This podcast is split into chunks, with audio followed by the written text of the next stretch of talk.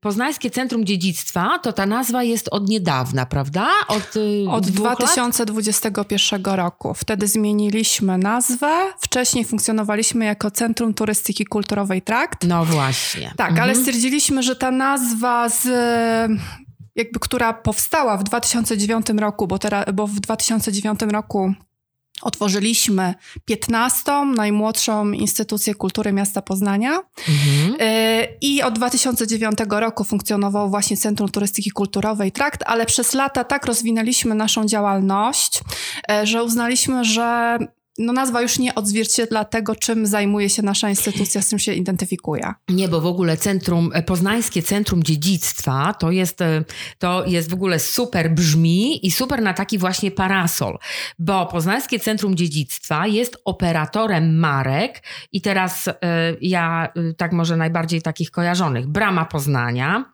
Galeria Śluza, Centrum Szyfrów Enigma, takie piękne, no młode, najmłodsze Najmłodsze chyba, dziecko tak? w rodzinie Marek. Tak. Mm. E, trakt królewsko-cesarski oraz Fest Firtel, prawda? Tak, pięć marek, ale należy przypomnieć, że zaczynaliśmy od traktu królewsko-cesarskiego. Mhm. Zaczynaliśmy od turystyki, stąd ta pierwotna nazwa. Potem w 2014 roku została otwarta Brama Poznania, e, pierwsze w Polsce Centrum Interpretacji Dziedzictwa. Następnie e, przy Bramie Poznania też uruchomiliśmy taką przestrzeń wystaw czasowych, która też w 2021 roku zyskała nazwę, osobną markę Galeria Śluza.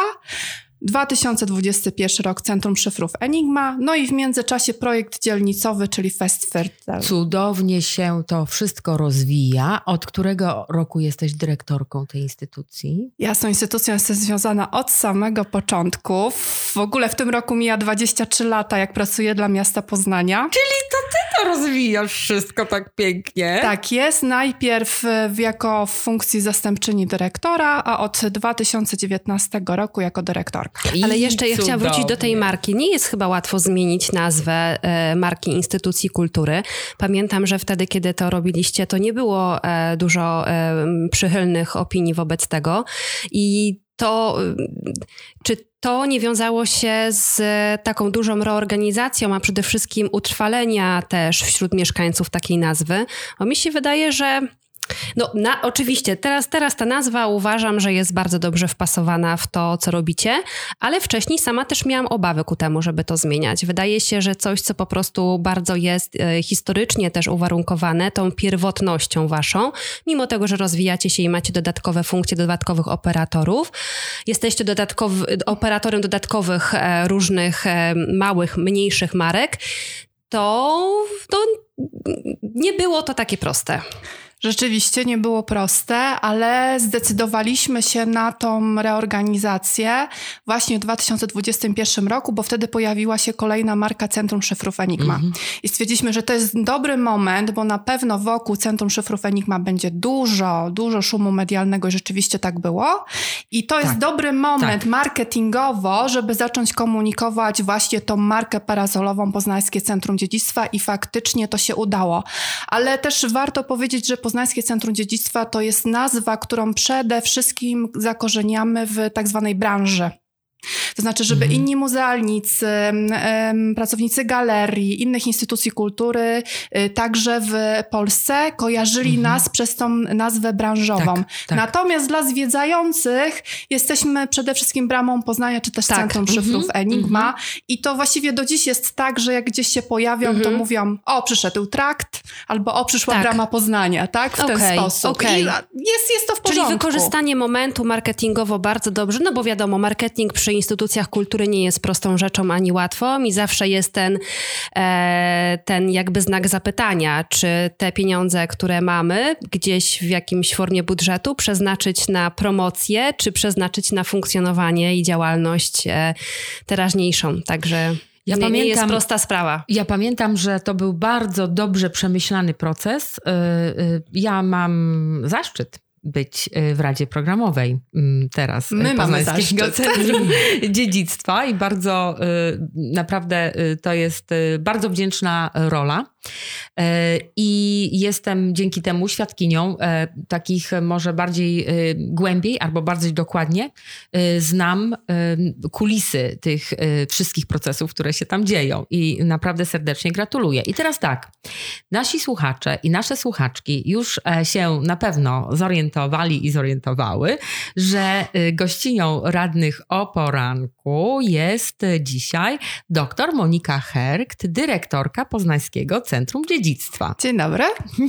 Bardzo Ci dziękujemy za przyjęcie e, zaproszenia. E, z radnych o poranku witają się z Państwem Marta Mazurek i Maria Lisiecka-Pawełczak.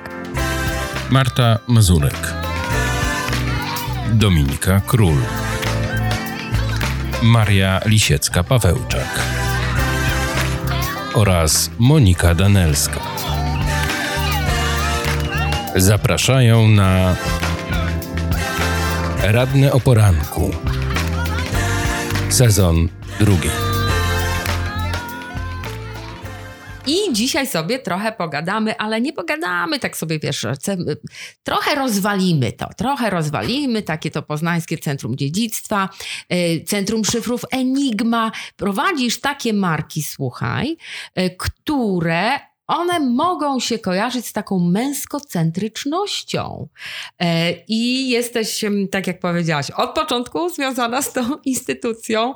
Słuchaj, i udaje ci się ją trochę roz, jak to powiedzieć, rozszerzać, robić miejsce dla kobiet też. Historia to też historia, nie? Tak, ale myślę, że to też jest tak, że to jest e, wewnętrznie zespół przede mhm. wszystkim jest przekonany, że należy te tematy e, podejmować. Mhm. E, faktycznie jest tak, że te nasze opowieści, i opowieść o Ostrowie Tumskim, tak. i opowieść o kryptologii, o szyfrach, no są dość mhm. rzeczywiście męskimi opowieściami, ale nasza w tym głowa i rola, żeby rzeczywiście ładnie w tą opowieść zgrabnie wplatać, ale nie tylko wplatać, ale przede wszystkim tą historię opowiadać poprzez kobiety. I myślę, że takim momentem dla naszej instytucji, kiedy w pełni świadomie e, podejmow- zaczęliśmy się podejmować mhm. tematów historycznych, to był rok 2015. A musiałaś kogoś do tego namawiać? Do nie, swojego zespołu? Właśnie, że nie. To mhm. nawet te impulsy chyba pierwsze wyszły nawet wewnętrznie od zespołu. Mhm. Takiego przekonania mamy w swoim zespole dużo aktywnych kobiet, tak. E, aktywistek animatorek, edukatorek, y, które jakby naturalnie podążyły tymi ścieżkami, a my mhm. jako dyrekcja, jako zespół mhm. też naturalnie te tematy podjęliśmy. Y, co więcej, y, właśnie w tym wspomnianym 2015 roku, kiedy robiliśmy dziesiąty już weekend z historią na trakcie królewsko-cesarskim, mhm. on był poświęcony piastównom, to zespół, że tak powiem, złożony i z dziewczyn, i z chłopaków, ramię w ramię realizowali swoje przedsięwzięcia. Na przykład Bartosz Małolepszy, który teraz jest zastępcą, mm -hmm. moim mhm. zastępcą, wtedy wymyślał taką akcję y, Piastowska Dama Poszukiwana. Mm -hmm. I na Super. całym Ostrowie Tumskim pojawiło się 10 piastówien, które opowiadały swoje e, historie. Mm -hmm. A z kolei zespół y, kobiecy na przykład bardziej, bardziej eksplorował tematy związane z piastkami, czyli z mhm. tymi bezimiennymi kobietami, które w grodzie poznańskim działały, funkcjonowały, spędzały swoje życie codzienne, a nie zapisały się na kartach historii. Także że ramię w ramię. Ja pamiętam Super. E, pierwszą e, rozmowę z tobą, jak cię poznałam. E, to było na kanwie albo w otoczeniu. Kontekst był te, wtedy taki, że 2018 rok miał zostać tym rokiem, kiedy Rada Miasta będzie, podej- będzie nazywała obiekty tylko, jeżeli będą to postaci historyczne, to będą tylko kobiety. Ja się pamiętam, wtedy z tobą spotkałam, a ty mówisz, my mamy Poznański Szlak Kobiet, hello! Hello! Tak, prawda.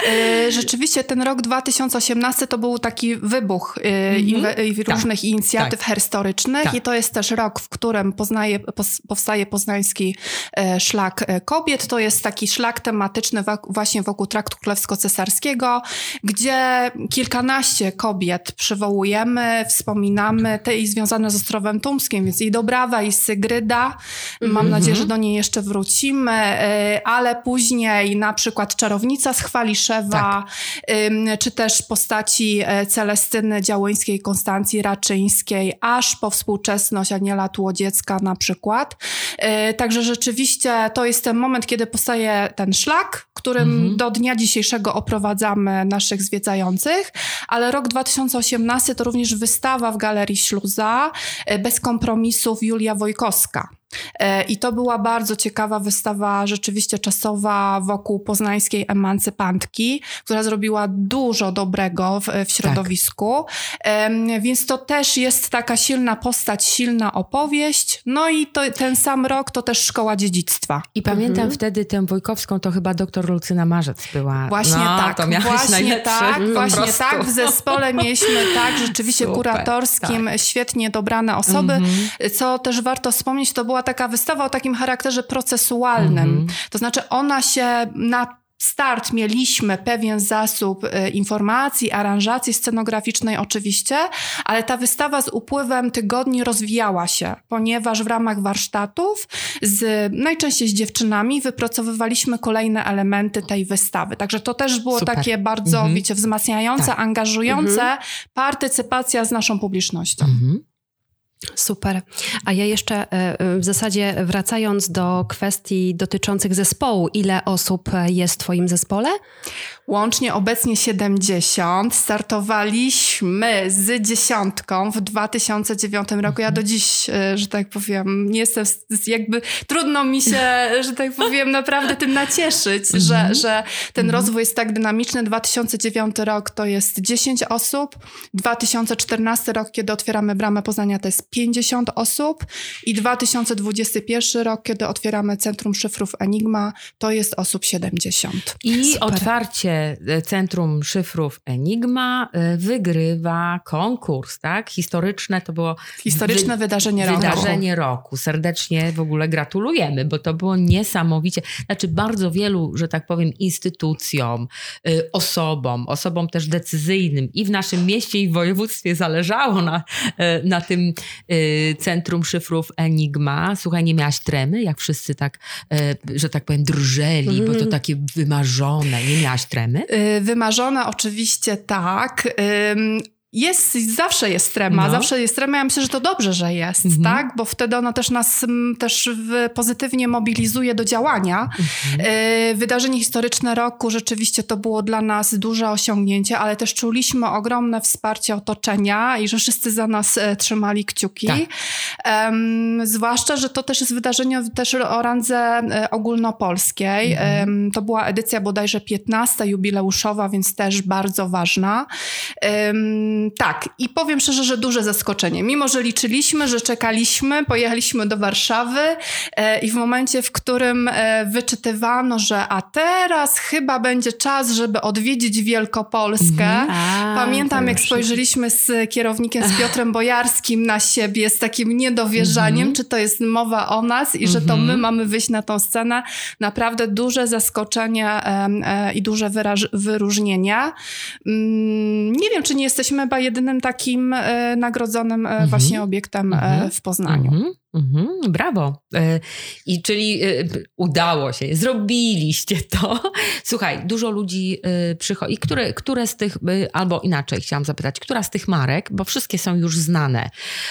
Być może nie wszyscy wiedzieli, tak? Albo tak. nie wszyscy kojarzą, że to jest pod tym parasolem centrum. Na pewno, ale to już wiemy, że to mhm, jest wiemy. identyfikacja tak. bardziej dla tych grup, Branży. które mhm. branżowych mhm. niż dla mieszkańców czy turystów, bo to, bo, to, bo to jest jakby tutaj zupełnie inna forma wiedzy już. Nie? I która to z nich jest... jest y, najbardziej popularna wśród y, zwiedzających? Mm -hmm. Nadal najbardziej popularna jest Brama Poznania. Mm -hmm. W tym tygodniu mieliśmy w ogóle podsumowania y, roku ruchu turystycznego w roku 2022. Ono odbyło się właśnie w Centrum Szyfrów Enigma. I Cóż, okazało się, że na rynku poznańskim Brama Poznanie jest drugą, najczęściej odwiedzaną atrakcją Proszę. turystyczną. A pierwszą? Pierwszą jest galeria, galeria w Muzeum Narodowym okay. przy Alejach mhm. Marcinkowskiego. No to oczywiście wiadomo. Tak, tak. Natomiast mhm. Centrum Szyfrów Enigma uplasowało się na e, czwartym miejscu w Poznaniu, najczęściej odwiedzanej atrakcji turystycznej, natomiast na szóstym miejscu w powiecie poznańskim. To są mhm. dane z Poznańskiej Lokalnej Organizacji Turystycznej. No nabijacie po prostu. Nabijamy łącznie w ubiegłym roku prawie 150 tysięcy odwiedzających. A macie taką cieszyć. informację dotyczącą, ile z tych osób to są turyści, a ile na przykład e, mieszkańcy, no powiedzmy powiatu, tak? mhm. tak? Nie ograniczając się na przykład do miasta. Tak, staramy się te dane zbierać, bo tak jak powiedziałam, wyrośliśmy z turystyki, więc ta żyłka turystyczna tak. cały czas w nas funkcjonuje. W Bramie Poznania i w Centrum Szyfrów Enigma, kiedy sprzedajemy bilety i zadajemy naszym e, zwiedzającym takie pytanie, żeby podali nam kod lub państwo, z którego pochodzą. E, I tych danych zbieramy z około 40% osób, które do nas to przychodzą. To już jest taki duży jest, miernik, tak, tak. To jest duży miernik, chociaż ja bym tutaj dyskutowała, czy na pewno jest reprezentatywny. I mogę powiedzieć, że z tego odsetka około 57% w ubiegłym roku to byli mieszkańcy Wielkopolski. Mhm. Poznań i Wielkopolska. Natomiast turyści zagraniczni to jest na przykład około 20%. Mhm. E, a z kolei, jeżeli spojrzymy na osoby, które przyjeżdżają do nas z kraju, to najczęściej tak. to jest mazowieckie, mhm. to jest 9%. Tak. Potem mamy pomorskie, dolnośląskie, mhm. śląskie. To są jakby regiony, z których mhm. najczęściej do nas przyjeżdżają zwiedzający i one też potwierdzają w ogóle trendy dla całego Poznania i całego mhm. powiatu poznańskiego. Czyli to jest e, dobry wyznacznik tego, w jakim kierunku powinna iść promocja? Myślę, że tak, y, że chyba jednak lepiej inwestować w promocję w te regiony, do których rzeczywiście to nas osoby trafiają. To są mhm. Zawsze jest kwestia wyboru, czy inwestować tak. tam, gdzie do nas dojeżdża. Nas nie ma, jednym słowem, czy nas, prawda? Ta, czy tak, tam, gdzie tak. nas nie ma, a nie ma nas, słabo jest y, na, że tak powiem, wschodniej flance Polski najrzadziej, mhm. na przykład podkarpackie, podlaskie, to są te regiony, z których najrzadziej do nas e, turyści docierają. Mhm, no, a może tak jak ja z Lubelskiego, jak już przyjadą, to zostają. Też tak może być, też tak może być, że wtedy zakochują się i zostają na stałe. Tak, to muszą poczuć miłość. Ale w ogóle y, chciałam jeszcze, y, tak myślę sobie, co teraz ugryźć? Bo tak, jeszcze jest jedna rzecz. E, Brama Poznania, tutaj należy znowu gratulacje, e, otrzymała e, miano lidera dostępności. To też się nie zdarza tak często. To też co? się nie zdarza. Rzeczywiście to też było dla nas um, ogromne wyróżnienie. Startowaliśmy kilka mhm. razy, w końcu się udało. Ale to, przepraszam, trzeba aplikować, tak? Trzeba Do tego. Aplikować, to nie jest tak, tak, że jest nadawany względem tak. na przykład jakiegoś osób obserwujących, którzy mhm. przychodzą, sprawdzają i tak jakby po cichu jest się nominowanym, tylko trzeba siebie, swoją instytucję nominować do tego, aby móc brać udział w tym przedsięwzięciu. Trzeba wypełnić dość taki intensywny formularz tak. okay, i przekonać jury, że rzeczywiście jest się miejscem e, dostępnym. E, I powiem tak, kiedy budowaliśmy bramę Poznania 2014 rok, nie było wtedy takich ugruntowanych standardów mm -hmm. dostępności. Nie było. Tak. Wiele rzeczy no, robiliśmy intuicyjnie. E, I kiedy te standardy dostępności się pojawiały sukcesywnie, to też tą działalność Bramy Poznania pod tym kierunkiem rozwijaliśmy, dopełnialiśmy różnego rodzaju elementy naszej infrastruktury, czy też programowe, ale w moim przekonaniu dostępność przede wszystkim związana jest z ludźmi. To znaczy, mhm. jeżeli zespół jest mhm. przekonany mhm. do tego, że należy realizować działania dostępne, to większość rzeczy dostępnych jesteśmy w stanie wykonać po prostu naszą energią. E, oczywiście wiele rozwiązań infrastrukturalnych wymaga dużych nakładów finansowych, ale zazwyczaj daje się to e, też e, pogodzić. Także lider dostępności mhm. dla bramy Poznania tak, i teraz proszę trzymać kciuki, bo również startujemy do lidera dostępności dla Centrum Szyfrów Enigma. No, Więc okay. może się uda, zobaczymy, tak. ale na pewno będziemy z, znowu wytrwałe, wytrwali, żeby, że tak powiem, jak się nie uda za pierwszym razem, to w kolejnych Oczywiście. edycjach startować. Y, w Centrum Szyfrów Enigma już, jak je tworzyliśmy, standardy dostępności funkcjonowały. Mm, tak. Dlatego też tutaj ta dostępność uważam, że naprawdę też jest na wysokim poziomie. Mamy chociażby pierwszy pierwszą w Polsce ścieżkę w języku łatwym no na audioprzewodnik. No to jest jedyna taka ścieżka w Polsce. Nazywamy ją ścieżką ze słońcem. Mhm. Y, I oprócz takich łatwych nagrań w audioprzewodniku, takiej łatwej narracji, są również przygotowane takie łatwe materiały, Mhm. urządzenia edukacyjne, które znajdują się na ekspozycji, e, które jakby pokazują właśnie jak kodować, no bo wiemy, że ten temat jest e, bardzo On trudny. jest e, trudny. Tak. Ja e, też sobie chyba jak pójdę, to sobie skorzystam z tego. E, Tutaj dla e, osób może mniej wtajemniczonych wy- wyjaśnijmy, że łatwy, to je- jest takie pojęcie, takie standardy języka łatwego do czytania i zrozumienia. One się w skrócie z angielska nazywają ETR. E, I to jest em, mm, stosowanie takich zasad wypowiedzi, e, które e, będą zrozumiałe dla osób e, z, mm, jeżeli tutaj z pewnymi ograniczeniami, nazwijmy to tak, intelektualnymi, to znaczy, że wolniej procesują. Ale to jest też świetne dla seniorów, to jest też świetne dla osób, które przyjechały do nas i jeszcze dobrze Nie znają języka języka, nie tak. znają. Zakładam, że dużo osób z Ukrainy wybiera Właśnie też tak ścieżkę. jest, Mhm, właśnie co? tak chciałam o tym Tak, opowiedzieć. mimo tego, że Rzeczywiście na pewno się- jest język ukraiński Właśnie w tak, w przewodniku. cen, tak, w Centrum Szyfrów Enigma na koniec 2022 roku wdrożyliśmy ścieżkę ukraińską dzięki dofinansowaniu UNICEF-u, Mhm. ale cóż, właśnie okazuje się, że jak współpracujemy z Migrant Infopoint, to jest też nasz zaprzyjaźniony partner. Em, Jeżeli kieruje do nas grupy właśnie obcokrajowców, migrantów, to prosi o ścieżkę łatwą. No właśnie. Także Tak. to też jest doskonałe narzędzie do nauki języka polskiego. Ja myślę, że w ogóle jest taka pewna bariera w tym.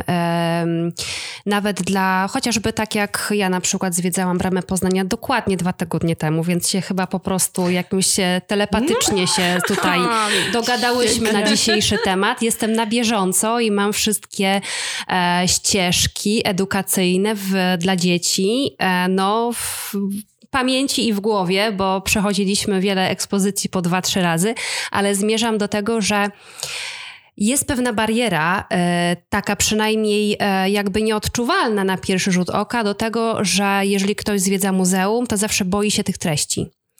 E, I to też jak się rozmawia z ludźmi i tak dalej, mówi, a nie idziemy, bo tam jest e, za długo, prawda, za, za dużo i te treści są w sposób naprawdę taki, że musielibyśmy mieć tą wiedzę, żeby móc dostępnie to wszystko odtworzyć. I myślę, że e, taka ścieżka, prosta, łatwa ścieżka słońca na pewno jest super dla po prostu ludzi, którzy Wszystkich. chcą przejść delikatnie i łatwo jak, Tak. jakąś ścieżkę muzealną, bo nie chcą być aż tak bardzo przebodźcowani tym, e, gdzie po prostu wchodzą. Tu ja myślę, że poruszasz w ogóle zarąbisty temat, bo nawet w języku prostym, tak? Czy tam w tym języku łatwym, bo języ, język prosty jest Mhm. czymś innym, prawda? Tak, to jest taka tak, komunikacja, tak. język mówiony bardziej. Natomiast ten język łatwy mm, do czytania i mówienia, e, okej, nawet jeżeli będziemy mieć tak opisaną, y, czy wystawę, y, czy tutaj Centrum Sztuk, y, Centrum Szyfrów, Szyfrów, Enigma, mhm, nie? gdzie mhm. jest w ogóle temat ciężki, to możemy się zastanowić, na ile w ogóle, na ile w ogóle nasza instytucja kultury, to jak my opowiadamy o naszej przeszłości, jest w ogóle dostępne, wiecie, takie konceptualnie, Poznawczo, tak, tak, poznawczo dla osoby z innego kontynentu. Dokładnie. Nie? Ale to tu się kłania Mhm. za taka fundamentalna zasada, na której opiera się też cała nasza instytucja, Tak. czyli interpretacji dziedzictwa. No właśnie. To, jakim językiem mówimy, e, to jest taka nasza na, naczelna zasada edukacyjna, którą Mhm. stosujemy we wszystkich naszych jakby ofertach programowych, e, czyli mówienie w ten sposób, żeby angażować naszego odbiorcę, żeby odwoływać Mhm. się do jego potrzeb i do jego doświadczeń.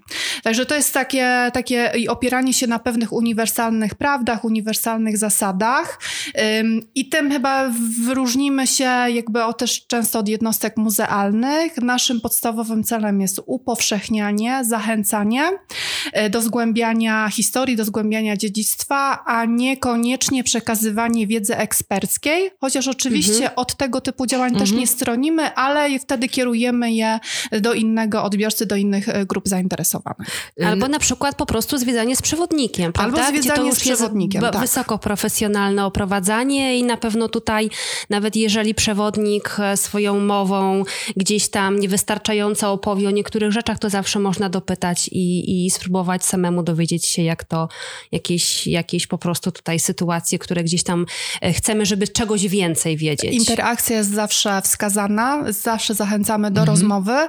Ja mogę powiedzieć, że na przykład teraz zespół Bramy Poznania przez dwa dni szkolił się. Mieliśmy przerwę techniczną, w związku z tym w budynku trwały różnego rodzaju naprawy, doczyszczanie przestrzeni, a zespół obsługi klienta, który właśnie na co dzień mhm. opowiada o naszej ekspozycji, oprowadza po tych przestrzeniach, szkolił się, yy, pogłębiał swoją wiedzę z zasad interpretacji dziedzictwa i właśnie jak oprowadzać w sposób angażujący, taki interaktywny yy, po ekspozycji, żeby nie ta wiedza ekspercka, ale właśnie to takie, ten, ten taki bezpośredni kontakt zwiedzający był tym wiodącym. Ja mhm. pamiętam, jak skorzystałyśmy z tego jednak przywileju y, bycia radnymi i z takiego zaproszenia i oprowadzania y, po wystawie w Galerii Śluza, y, po wystawie o uczonych prawda? Naukowczyniach. Tak, to 2021 rok, rzeczywiście listopad i wystawa czasowa Naukowczynie, pierwsze kobiece kariery uniwersyteckie mhm. w Poznaniu. Oczywiście pokazywaliśmy w ogóle sytuację kobiet w tym okresie, sytuację studentek na uniwers- tworzącej się Uniwersytecie Poznańskim, ale na pierwszy plan wyszło 11 poznańskich uczonych e, i pokazywaliśmy ich losy. To, że niektóre z nich studiowały za granicą, a potem związały swoje kariery, kariery naukowe z Uniwersytetem Poznańskim. Inne rzeczywiście wprost były absolwentkami Uniwersytetu Poznańskiego i potem kontynuowały tam swoją pracę. Moją ulubioną zestawu tych 11, jeżeli tak, tak mogę e, powiedzieć, jest um, przyrodniczka, e, która współ, właśnie pracowała wspólnie z profesorem Wodziczko, e, Helena Szafranów, Szafranówna. E, także chyba każdy z nas z kimś się tam zidentyfikował. Tak, tak. I wystawa ta cieszyła się też dużą popularnością. E, kilkadziesiąt tysięcy osób się przez nią mhm. E, przewinęło. Także mi się to też jakby pokazuje siłę zainteresowania tymi tematami. I ona była super mhm zakończona, bo tam można było napisać y, pocztówkę. Tak, tak. albo tak. do tych y, pań, A, tak, tak, albo, albo do siebie w ogóle też, do tak. siebie, albo co mi dała. Y, też były, y, tam mm, pamiętam, był taki, mm, taka na ścianie y, wisiała, zrobiona, to z materiału. Z, można było udekorować, udekorować postaci, tak. właśnie te kobiece mm -hmm. prezentowane według swojej fantazji, według swojego przekonania. Rzeczywiście to też się cieszyło mm -hmm. dużą e, popularnością te pocztówki, tak. o których wspomniałaś, są oczywiście teraz gdzieś tam analizowane, spisywane.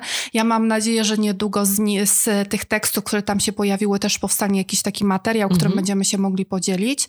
Ale najważniejsze jest to, że teraz ta, tą wystawę można ponownie no oglądać w Pałacu Jankowice, Tarnowie mhm. Podgórnym. Mhm. Także zapraszam, komu nie udało się odwiedzić, zobaczyć tej wystawy w Galerii Śluza, może udać się właśnie w tamto miejsce. Ma drugie życie, można Ma powiedzieć. Ma drugie życie, nie? Tak, mhm. E, ale również jest prezentowana w formie online'owej. Także tak. też mhm. można tak. w domu po prostu mhm. sobie zerknąć do tych zasobów, poczytać, zainspirować się. W ogóle marzec yy, chciałabym nawiązać do jednej rzeczy, bo y, my jesteśmy tutaj bardzo y, zadowolone i szczęśliwe, że mm, nasze miasto y, zostało wyróżnione w takim, nie wiem jak to nazwać, czy to był plebiscyt, no ale była taka ankieta Gazety Wyborczej oraz Ogólnopolskiego Strajku Kobiet i zostaliśmy wyróżnieni jako samorząd przyjazny kobietom, prawda? Cieszymy dosta i dostaliśmy statuetkę. To nie było takie proste, bo to to było naprawdę ponad setka samorządów, miast, a tylko 15 dostało te mm, statuetki, e, w tym Poznań, e, z czego się bardzo cieszymy.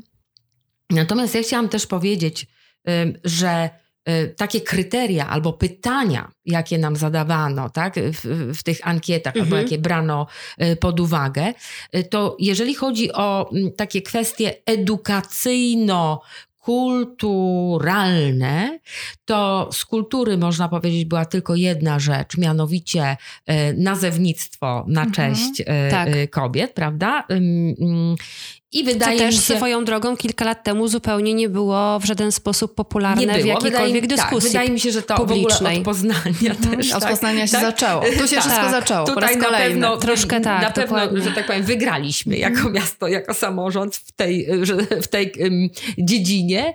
E, Jeżeli chodzi o edukację, to było pytanie tylko o edukację antydyskryminacyjną, prawda? Mhm. Y, Natomiast y, bardzo dużo było kwestii związanych właśnie, kwestii zdrowotnych, Mhm. prawda? Programów tam Takich społecznych bardziej, takich tak. społecznych, tak? Współpraca z NGO-sami. Mhm. Się w ogóle, y, ja, ja naprawdę jestem zachwycona tym, że y, dzisiaj na współpracę z NGO-sami, które są właśnie równościowe, albo te mm, takie, które się wspierają y, kobiety, tak? Czy nazywają się, nie wiem, kobiece, feministyczne, to jest naprawdę sporo kasy, bo ja pamiętam, jak to się zaczynało, to po prostu to były śmieszne. Dzisiaj mamy 10 razy więcej, Dzisiaj, tak? tak, się. y, y, jeżeli ktoś, mamy takie, nie wiem, głosy, że tu się wszystko zwija, tutaj w ogóle y, y, nie wydajemy odpowiednich środków, tak, na, czy, na, czy na współpracę z NGO-sami, czy na te kwestie społeczne, to to jest naprawdę nieprawda, bo Mhm. i, i, i też po, tych, po tym budżecie ciągle wzrastającym to widać, Mhm. po tych organizacjach, których jest coraz więcej, tak, i się też specjalizują. Naprawdę e, te nasze KDO są rozbudowane bardzo i to jest w ogóle świetne. Po instytucjach e, takich jak właśnie tutaj Mhm. teraz Poznańskie Centrum Dziedzictwa widać, że się rozwijamy, tak? I, e, i, jakby ja e, patrząc na marzec, nie? Patrzyłam e, na marzec. Marzec to wiadomo kojarzy się z tam, że ciąg, bardzo dużo inicjatyw e, właśnie na rzecz kobiet, tak? Nie, że dobrze, że nie tylko 8 marca, Tak, nie? dobrze, tylko, tylko tak. I To się na cały miesiąc już tak, i po prostu patrzysz na nasze instytucje kultury, to tam po prostu nie wiadomo było dokąd Z czego iść. wybierać, tak? nie duża wiadomo, konkurencja. Mnóstwo, Mhm. tak? I e, tutaj właśnie mm, to akurat mm, o wystawie o naukowczyniach, tak? Ale też e, y, Poznańskie Centrum Dziedzictwa e, przypominało te, tak? W mediach społecznościowych to też było Tak, obecne, szereg nie? wpisów rzeczywiście tak się zdecydowaliśmy, że w tych markach, których, e, które mają stricte taki Tak. turystyczny Mhm, charakter tak. i może właśnie nie czas jeszcze Mhm. zapraszać Mhm. na zwiedzanie przestrzeni miasta, zdecydowaliśmy się na taką intensywną komunikację w social mediach, przypominając postaci poszczególnych kobiet, o których ważno, warto pamiętać. Tak, i też jeszcze wie, pa, patrzymy na to, co robił i, i jaką ofertę właśnie y, tutaj pod kątem kobiet miało Centrum Kultury Zamek. Patrzymy na w ogóle Bibliotekę Raczyńskich. Tam Tak, po prostu można- wieczór tak. naprawdę było, y, ten cały afisz, to ja tak miałam wrażenie, że wow, to wszystko jest skumulowane. Tak, natomiast wręcz, ja nie? też oprócz tego, że oczywiście wyrażamy naprawdę głęboką taką tutaj nadzieję i że to się jeszcze bardziej będzie rozwijało, Tak. Ja w tym jednak mimo wszystko widzę taki, e, taką kwestię dotyczącą, że jest to pewna grupa społeczna kobiety, którą można zainteresować Mhm. też kulturą, Tak. historią, muzealnictwem i tak dalej. I być może to jest też po prostu bardzo dobry kierunek w, w takiej promocji, w takim marketingu tak, tego typu instytucji. E, Często mówi się, że em, promujemy na przykład e, kwestię zwiedzania, że jest dostępna dla dzieci, prawda, że są interaktywne różne przedmioty, które można dotknąć, które można przewrócić, bo to jest dla dzieci Mhm, ważne, żeby tak, po prostu tu tak. było zupełnie coś innego niż e, Mhm. się kojarzy zupełnie z muzeum. E, I tutaj e, to, co e, proponujemy dla kobiet, dedykujemy kobietom, to dedykujemy też rodzinom, bo to często tak jest, że to wtedy kobieta mówi, że jest zainteresowana w domu, chciałaby skorzystać z wystawy, chciałaby pójść i zabiera swoje dzieci, swoją rodzinę. Więc ja myślę, że to jest po prostu dobry kierunek do tego, żeby w ogóle trochę odczarować muzeum, które przez wiele lat jednak było taką instytucją, która miała zawsze przed drzwiami nie dotykaj mnie, bo ja jestem eksponatem i nie możesz mnie dotknąć, co oczywiście ma ten wymiar zupełnie inny, bo jeżeli byśmy dotykali obrazy na przykład, Jasne. które są, no to, To oczywistą kolejne pokolenia byłoby, nie że mogłyby ich podziwiać. Dokładnie, to pewnie byśmy byli ostatnim pokoleniem, które to widzimy, ale y, jest na to pomysł, są inne ścieżki, które można rozwijać, więc to jest bardzo dobry kierunek, który zdecydowanie powinien iść nie tylko w marcu, ale miał swoje takie marketingowe pociągnięcie, dlatego że myśleć o kobietach to często jest tak, że myślimy o o, nie o jednej kobiecie, tylko o pewnej grupie, która przyjdzie, bo jest zainteresowana.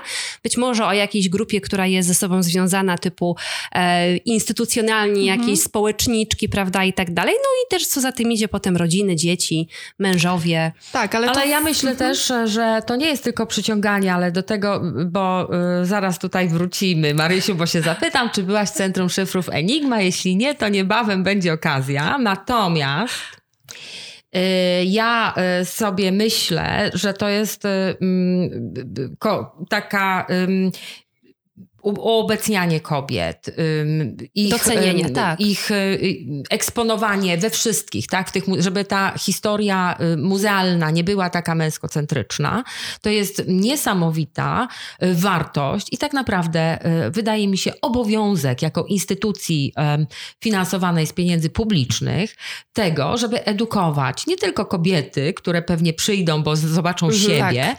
ale również mężczyzn, że mhm. świat się składa jednak, tak, nie tylko y, z bohaterów i działaczy, ale również z bohaterek i działaczek. Tak, I to jest po prostu y, y, i to jest po prostu jak gdyby ten mm, imperatyw, nie wiem, etyczny, że to powinniśmy robić, ale rzeczywiście chyba marketingowy od centrum co zrobić, e, bo wiem, że mhm. robimy, tak, zaraz, tak. z Centrum Sztuki Enigma. No co tak. tutaj zrobić? Rzeczywiście tam ta opowieść jest mm. dość męska. Mm -hmm. E, dlatego też stwierdziliśmy, że pora, pora po tych głównych bohaterach, po Rejewskim, po Zygalskim, po Różyckim, mm -hmm. opowiedzieć o tych bohaterkach, mm -hmm. e, które też im towarzyszyły, ale w ogóle, które związane są z światem szyfrowania, światem kryptologii od, od, od starożytności. Dlatego też e, właściwie w marcu wystartowaliśmy z takim projektem, który mam nadzieję potrwa przez wiele, wiele lat e, pod hasłem Szyfro Dziewczyny. Mm -hmm. To jest projekt, który rozwijamy wspólnie z, również z Uniwersytetem Adama Mickiewicza w Poznaniu, który prowadzi taki projekt, gdy nauka jest kobietą. Uznaliśmy, że te nasze cele są bardzo wspólne, dlatego też w drugiej połowie kwietnia mamy zaplanowane też podpisanie listu intencyjnego z panią rektorką mm -hmm. o współpracy, Cudownie. żeby nadać tak. temu jednak tak, właściwą w, mhm. jakby oprawę i formę. Mhm. E, natomiast e, rzeczywiście ten projekt będzie składał się z bardzo różnych elementów. Jeden z nich już zrealizowaliśmy, to takie premierowe oprowadzanie, właśnie zwiedzanie ekspozycji Centrum Szyfrów Enigma pod hasłem prekursorki, opowieść o szyfrodziewczynach. I mhm. tam opowiadamy właśnie, jak poszczególne kobiety e, realizowały się na przestrzeni lat właśnie w naukach ścisłych, w szyfrowaniu, w kodowaniu, w działalności wywiadowczej z różnych krajów, ale też oczywiście wiele tam pojawia się w tych, w tych opowieściach e, Polek. Ja może o jednej opowiem, do której również też mam taką tak. głęboką sympatię, to jest Wanda Modlibowska e, która urodziła się pod Gąstyniem, a potem związana była z Poznaniem. Wyobraźcie sobie, że była pilotką, jest zresztą to patronką. trzeba pomyśleć, żeby nadać jakąś... Jest klub jej jest u nas, klub który właśnie, dostał... Areoklub tak. Poznański mm -hmm, właśnie mm -hmm, z mhm. imienia Modlibowskiej. Mm -hmm. Ona, słuchajcie, w roku 37 e, pobiła szybowcowy rekord świata tak. i to był chyba jedyny mhm. rekord e, polski właśnie taki szybowcowy w tym okresie i w tym samym roku też obroniła pracę magisterską z chemii nieorganicznej. Mhm. Także wyjątkowa postać, którą, która w swoich wspomnieniach mówi, że właśnie to, co ją motywowało do pracy, to zadać chłopakom Bobu, e, mhm. cytuję, e, i pokazać, że kobiety też potrafią, tak? E, I potem, słuchajcie, w, kiedy wybucha kampania wrześniowa, ona jest taką łączniczką e, właśnie e, w ramach tej kampanii, pilotką, a w roku 40 e, wraca do Polski i podejmuje pracę w delegaturze rządu RP na kraj i staje się między innymi szefową e, komórki e, do spraw szyfrowania. Mm -hmm, Także mm -hmm. to są naprawdę niezwykłe opowieści, niezwykłe e, postaci, które mogą inspirować, tak. tak. Mogą rozbudzać też taką naszą wyobraźnię i myślę też właśnie inspirować młode dziewczyny no właśnie. do właśnie podejmowania, realizowania swojej kariery w naukach ścisłych. Czyli y, to będzie moment, kiedy kobiety, dziewczyny, dziewczynki będą szturmem, tak? Drzwiami i oknami do Centrum Szyfrów Enigma e, szły. Powiedz mi, to jak ja teraz poczekam jest? w takim razie. Tak, tak, poczekaj, poczekaj, bo wydaje, kiedy to się za, zacznie? Tak, Mam nadzieję, że nie uprzedzamy za bardzo. Nie, myślę, Mhm. że nie, bo rzeczywiście teraz też zaczniemy komunikować już oficjalne te nasze wydarzenia. Ja myślę, że najlepiej w związku z tym zawitać do Centrum Szyfrów Enigma właśnie w drugiej połowie kwietnia. Mhm. O, Bo wtedy, super. tak, więc już bardzo, bardzo Mhm. blisko, bo wtedy też e, w naszej przestrzeni pojawi się 15 właśnie postaci, 15 Ale kobiet. to jesteście w takim razie Będzie. zaraz po e, jednym z największych e, muzeów na Wyspach Brytyjskich w Londynie, które od 10 lat zmienia swoją ekspozycję Mhm. i wprowadza parytet w wystawach e, malarskich, gdzie połowa tej wystawy będzie należała do autorstwa kobiet, a połowa do mężczyzn.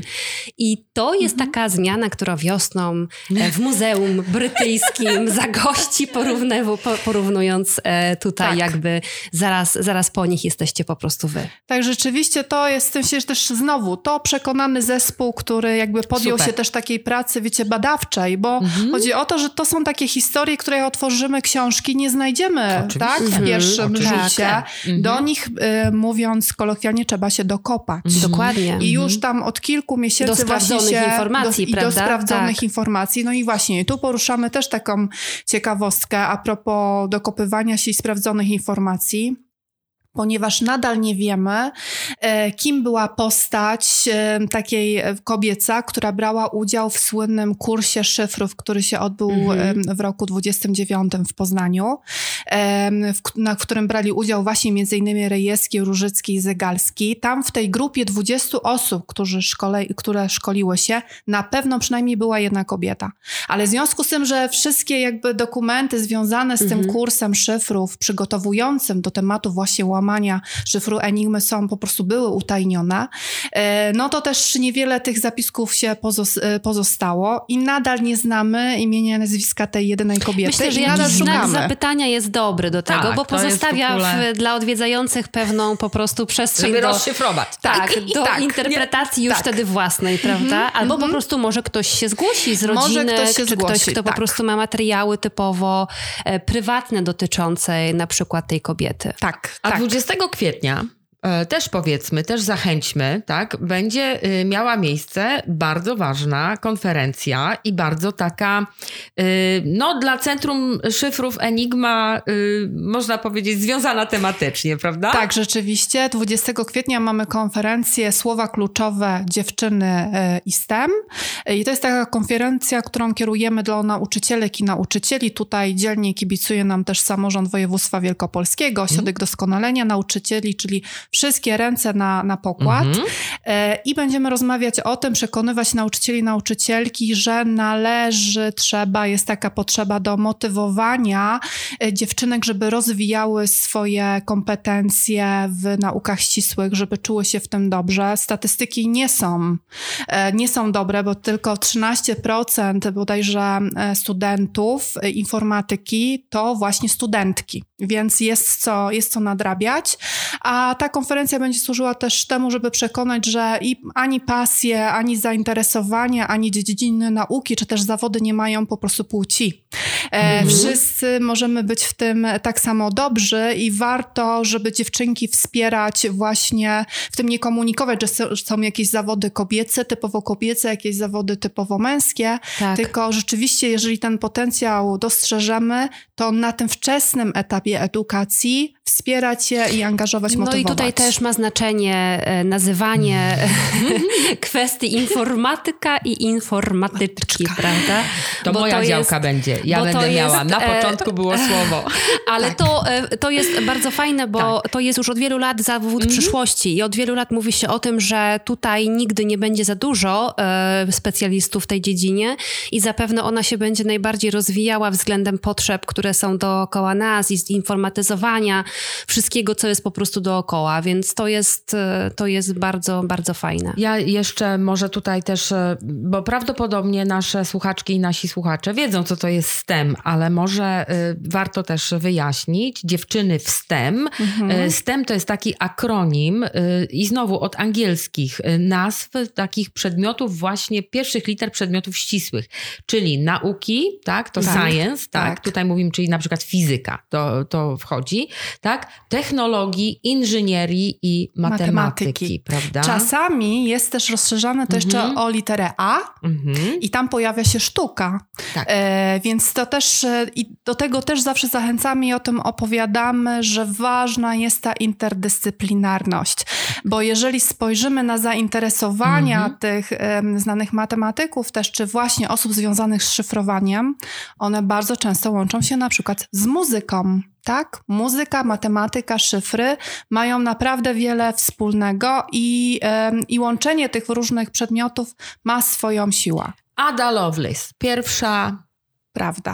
Pierwsza w rodzaju męskim i żeńskim tak, Tak. naprawdę, tak? Tak. Tak. E, Pierwsza osoba szyfrująca na świecie. Tak, szyfrująca, tak. Programistka bez komputera, dokładnie tak. Tak. No w jej żyłach pł- płynęła krew właśnie Oczywiście, związana z tak. poezją, Mhm. ale też po stronie mamy zainteresowania związane z matematyką. Więc e, tutaj e, to jest naprawdę świetne. Ja jeszcze myślę tak, z rozmów z bardzo wieloma świadomymi, wrażliwymi mm, mm, młodymi kobietami, które, ja to mówię, tak patrzą na świat troszeczkę jednak przez te e, takie e, gender lenses, Mhm. tak? czyli tak naprawdę wrażliwe, wynika, że niektóre z nich po prostu idąc e, na te przedmioty studiować, przedmioty ścisłe, spotyka się z takim seksizmem i z taką mizoginią ze strony całego środowiska, wykładowców, że mm, nie dają po prostu e, rady tak psychologicznie, tak? Tak. I rezygnują. I naprawdę muszą się zmagać z tym, muszą o wiele więcej siły, e, o wiele więcej energii, e, o wiele więcej też takiego wysiłku intelektualnego włożyć w to, żeby przetrwać e, właśnie na tych kierunkach silnie zmaskulinizowanych i jeżeli one już tam są, to to są naprawdę y, mm, Postaci y, silne. to, to są kobiety, tak? tak, tak. y, uczone, tak, które nie tylko są świetne merytorycznie, ale też oznacza, że one są tymi fajterkami, tak? Dobrze przygotowane, Tak, tak. To tak. oczywiście, ja też mam taki przykład z własnego, jakby takiego rodzinnego doświadczenia, że mm, bardzo często e, były to ataki em, po prostu profesorów też wykładających e, takie, takie, nau- takie, takie ścisłe właśnie e, gdzieś w inżynierii i tak dalej, gdzie po prostu no, ja, można by napisać było naprawdę książkę o tym, o tych stereotypach, które jakby nie, nie wychodziły spośród osób, które też były studentami, studentkami, tylko właśnie od, Tak. od tego przykładu, który po prostu powinien być, nie? Czyli zanim ta dyskryminacja ze względu na płeć e, zniknie e, tak naprawdę na uczelniach, w tych, e, zwłaszcza na tych kierunkach, to musimy bardzo mocno wzmacniać właśnie tutaj dziewczyny. E, Świetnie, że powstają teraz e, konieczność, jak się chce e, korzystać z pieniędzy z horyzontu, tak, Europa, e, to musisz tworzyć tak zwany Gender Equality Plan. Jest to wspaniała, e, e, uważam, e, inicjatywa. To świetnie, że uniwersytety, które chcą mieć ten Excellence in Research, prawda, ten HR Excellence, czyli które chcą się liczyć, one muszą tworzyć polityki równościowe i tak naprawdę no, muszą w końcu zacząć tego przestrzegać, więc to jest naprawdę mm, y, niesamowite. A to, że y, na uczelniach y, wcale się dobrze nie dzieje, y, to wiemy y, również z badań Rzecznika Praw Obywatelskich o y, molestowaniu na uczelniach, prawda? Czyli jakby wgląd mamy, że mm, y, nie jest dobrze. Natomiast rzeczywiście tutaj nasza w tym też rola, żeby y, po prostu dziewczyny uwierzyły w siebie i uwierzyły w to, że tam jest też ich miejsce. Ale nie? kultura to bardzo dobra przestrzeń do aktywności tak. i wydaje się, że faktycznie w połączeniu i w współpracy z uniwersytetem, e, czy po prostu z wyższymi uczelniami, mhm. które mamy w Poznaniu, e, byłaby faktycznie bardzo dobrym uzupełnieniem e, tego, tego materiału, który jest studentkom, studentom przekazywany, bo żeby poczuć i się zainspirować, mhm. to wydaje się, że trudno jest chyba odnaleźć w uczelni jakby ten moment, bo ona się zazwyczaj kojarzy z czymś, co po tak. prostu jest nakładem mhm. pracy, tak. nakładem tak. emocji i to jest e, naturalne, że tam nie znajdziemy takiego bodźca, który by dał naprawdę takiego powera do tego, żeby zrobić coś więcej. Mhm. A że nie jesteście daleko, w sensie Centrum tak. Szyfrów Enigma, tak. E, co też bardzo, bardzo ważne, jesteście w ścisłym centrum, centrum miasta, miasta, Poznania. Mhm. I co prawda, było mi trochę żal, że jednak ten Wydział Historii, prawda, mhm. i jeszcze stołówka stołówka, która była tam. I wspomnienia, i, różne wspomnienia, z tym związane, oczywiście. I tak, i takim, mhm. takim kultowym miejscem, ale jakby nie było, no to jest jeszcze lepiej teraz, ale to jest bardzo ważne, bo to jest w centrum Poznania, to jest Święty Marcin, to jest cała rewitalizacja tego e, i mimo, że teraz wiadomo, nie jest tak ale łatwo. Ale już będzie dobrze, za chwileczkę to będzie, będzie pięknie. Dobrze. Tak.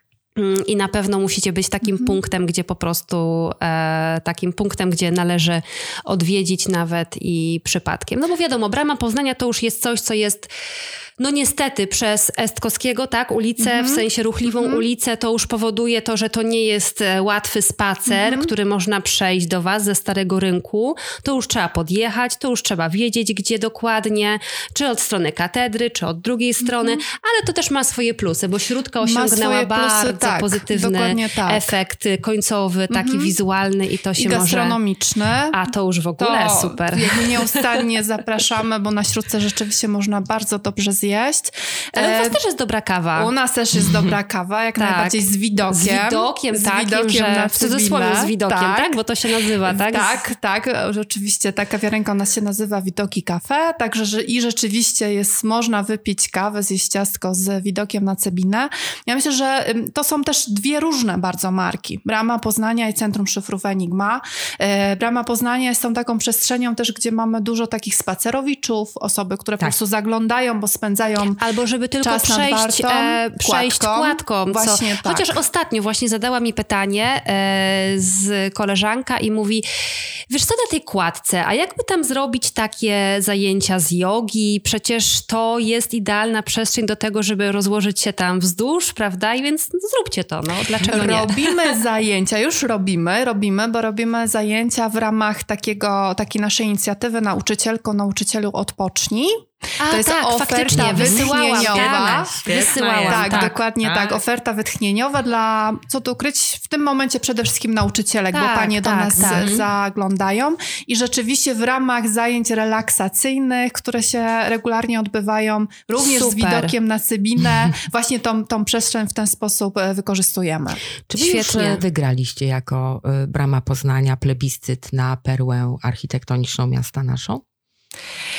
Tych nagród było tyle, e, naprawdę bardzo sporo e, i e, rzeczywiście startowaliśmy w bardzo różnych plebiscytach. Na pewno było siedem cudów polskich, z tego mhm. co pamiętam. Mamy oczywiście również certyfikat Polskiej Organizacji Turystycznej tak. jako produkt turystyczny.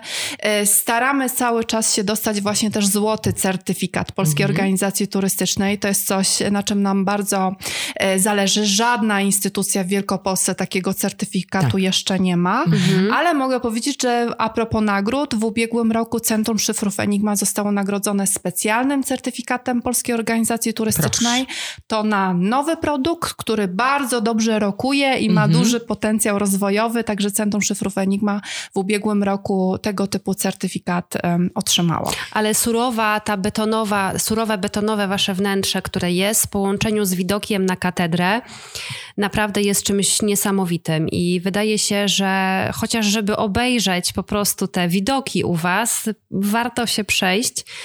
A jakby no przecież chodzi o to, żeby po prostu wejść i zobaczyć, prawda? To, to, to jest, no moim zdaniem po prostu to jest, e, to jest e, taka perła architektoniczna, ale ja po prostu lubię takie rzeczy. To te surowe wnętrza, te surowe obiekty są zdecydowanie dla mnie bardziej przemawiające. E, a y, naprawdę y, dzieci są też zachwycone z tych widoków, nie Y, tylko To prawda, dorośli. to prawda. Chociaż właśnie mam pytanie jeszcze, tylko chciałam zadać, bo y, y, z pierwszą córką byliśmy 7 lat temu, Mhm. teraz byliśmy z najmłodszą. Dokładnie dwa tygodnie temu.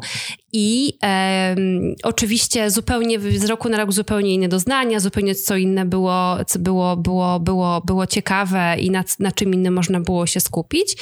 E, Czy będzie e, rozbudowa tej stałej ekspozycji, tak żeby można było powiedzieć, że na przykład po 10 latach mamy pewną zmianę, powiedzmy, prawda? Czy po 10 latach w sensie mojej obserwacji, oczywiście nie od Jasne. momentu powstania, czy dojdzie coś nowego, czy coś się zmieni, Mhm. No mamy było taką tak nadzieję. samo, ale właśnie, to rozumiem, że chodzi o nakłady finansowe. Nakłady finansowe W głowie jest dużo zmian. W głowie jest dużo pomysłów. W ubiegłym roku zrobiliśmy też takie badania publiczności związane z tym, jak odbierają ekspozycję główną e, w Bramie Poznania i faktycznie one są dobre, bo pokazują, że tak, że ludziom się podoba, że zaciekawia ich ta opowieść, ale pokazują też tą drugą stronę, że rzeczywiście no, należałoby przemyśleć e, podjęcie modernizacji różnych, różnych nośników ekspozycyjnych, które przez 10 lat, bo w przyszłym Tak, roku mija 10 dokładnie. lat od Mhm. otwarcia, no, na pewno się zużyły.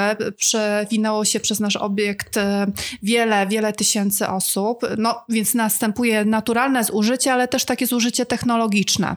Więc to jest e, nasze marzenie i pewnie tutaj i ukłon w stronę, e, w stronę naszej Rady Programowej, w stronę Rady Miasta Poznania, e, bo tego typu inwestycje wymagają bardzo dużych nakładów finansowych, ale myślę, że jako zespół jesteśmy też gotowi, żeby podjąć się tego nowego Tak, wyzwania. myślę, że tak. Tym bardziej, że dbając o klientów powracających, warto jest po prostu wprowadzać. A taki raz na 10 lat to pewnie dla turystów, którzy odwiedzają nasze miasto, e, no byłoby dobrym pomysłem w dobrym kierunku iść. Mimo oczywiście tego, że przecież macie Enigmę, która jest najlepsza i najnowsza i Tak. Słuchaj, a jaki, y, już trochę zdradziłaś, Mhm. a jakie jest twoje marzenie?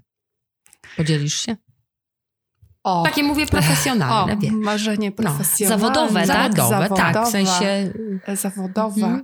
Znaczy, myślę, że to jest cały czas praca nad. My, ja postrzegam naszą instytucję jaką taką pomiędzy. Mhm. Pomiędzy rynkiem turystycznym, specjalistami od turystyki, turystyką, a pomiędzy światem kultury. Mhm.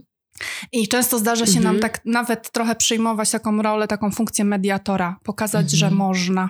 Mhm. E, Że można dbać Mhm. o dziedzictwo, można je rozwijać, można je chronić, ale można być też otwartym dla turystów. Mhm. E, Mam wrażenie, że te światy nie zawsze się dobrze z Super. sobą dogadują. I to jest chyba takie moje z- marzenie, e, takie zawodowe, żeby doszło do tego konstruktywnego takiego dialogu i otwarcia się dwu, e, Tak. obydwu stron na siebie. Ale to jest odpowiedź już na to, co powiedziałaś wcześniej, że macie bardzo dobrze przeanalizowane, ile jest odbiorców, z jakich państw, z jakich miast, z jakich, z, z jakich obszarów, województw w Polsce. To też świadczy o tym, że ta turystyka jest dla Was bliska, bo przecież turystyka opiera się na tych wszystkich statystykach i dzięki temu Tak. po prostu jesteśmy w stanie rozwinąć się dalej, pomyśleć o czymś, e, o czymś innym i o czymś nowym. Tak, y, ale tu, turystyka jak najbardziej, ale też często mówimy o turystyka ta, tych, ta przyjezdna, oczywiście zagranicznych Mhm. odbiorców, czy też właśnie z innych województw, ale też y, próbujemy zaszczepiać cały czas takie myślenie, bądź turystą w swoim mieście. Mhm. Właśnie, Tak, kierowaną właśnie, właśnie do tak. mieszkańców. Często jeździmy, ja, ja znam ten przykład z własnego doświadczenia. Często jeździmy do innych miast po to, żeby móc odwiedzić muzeum, zoo, po to, żeby móc odwiedzić różne e, takie multimedialne instytucje, ale krótko mówiąc taki jakby muzeum dzieci, prawda? Czyli coś, co jest po prostu w 100% dla dzieci dostępne i przyjazne, a dopiero na drugi plan pojawiają się te wszystkie, które mamy na miejscu. A doktor e, Monika Herkt ze swoim zespołem e, z 70-osobowym? Poznańskim- 70-osobowym. Poznańskim Centrum e, Dziedzictwa pokazuje również, że można rozwijać się w, i potraktować równą albo taką wyrów, wyrównywać szanse kobiet i mężczyzn. Bo to chyba o to też chodzi, tak? Wyrównywać reprezentację, że uwzględnianie kobiet w herstorii, w wystawach, uzupełnianie, robienie miejsca dla kobiet e, w tak również męskocentrycznym świecie, jakim jest e, centrum, centrum szyfrów Enigma, to jest, e, to jest trend. To jest trend światowy, e, to jest przyszłość, to są pieniądze, to jest więcej mm, osób odwiedzających, czyli tak naprawdę idziemy e, w kobiety. I wy to świetnie czujecie od samego początku. Ja od samego początku, kiedy miałam okazję słuchać tego, o czym wy mówicie, w jaki sposób wy mówicie, to muszę powiedzieć, że nasze instytucje kultury są wspaniałym przykładem tego, w jaki sposób można komunikować w sposób inkluzywny, w jaki sposób można uwzględniać również kobiety w języku, bo to robicie, mm-hmm. a to również przekłada się na e, ofertę programową. I za to bardzo serdecznie dziękuję Ci, Moniko, i serdecznie Ci gratuluję. Ja jestem ogromną tutaj wielbicielką tego. Bardzo Wam dziękuję. To była naprawdę sympatyczna i energetyczna rozmowa. Dziękujemy serdecznie. Dziękujemy bardzo. E, e, wszystkim Państwu za e, wysłuchanie. Mm, ze strony radnych o poranku Marta Mazurek i Maria Lisiecka-Pawełczak. Nasza gościni dr Monika Herkt. Do widzenia Państwu. I za konsoletą, jak zwykle, produkujący nasz podcast Jacek Kordus. Dziękujemy. Marta Mazurek, Dominika Król, Maria Lisiecka-Pawełczak oraz Monika Danelska. Zapraszają na Radne o poranku. Sezon drugi.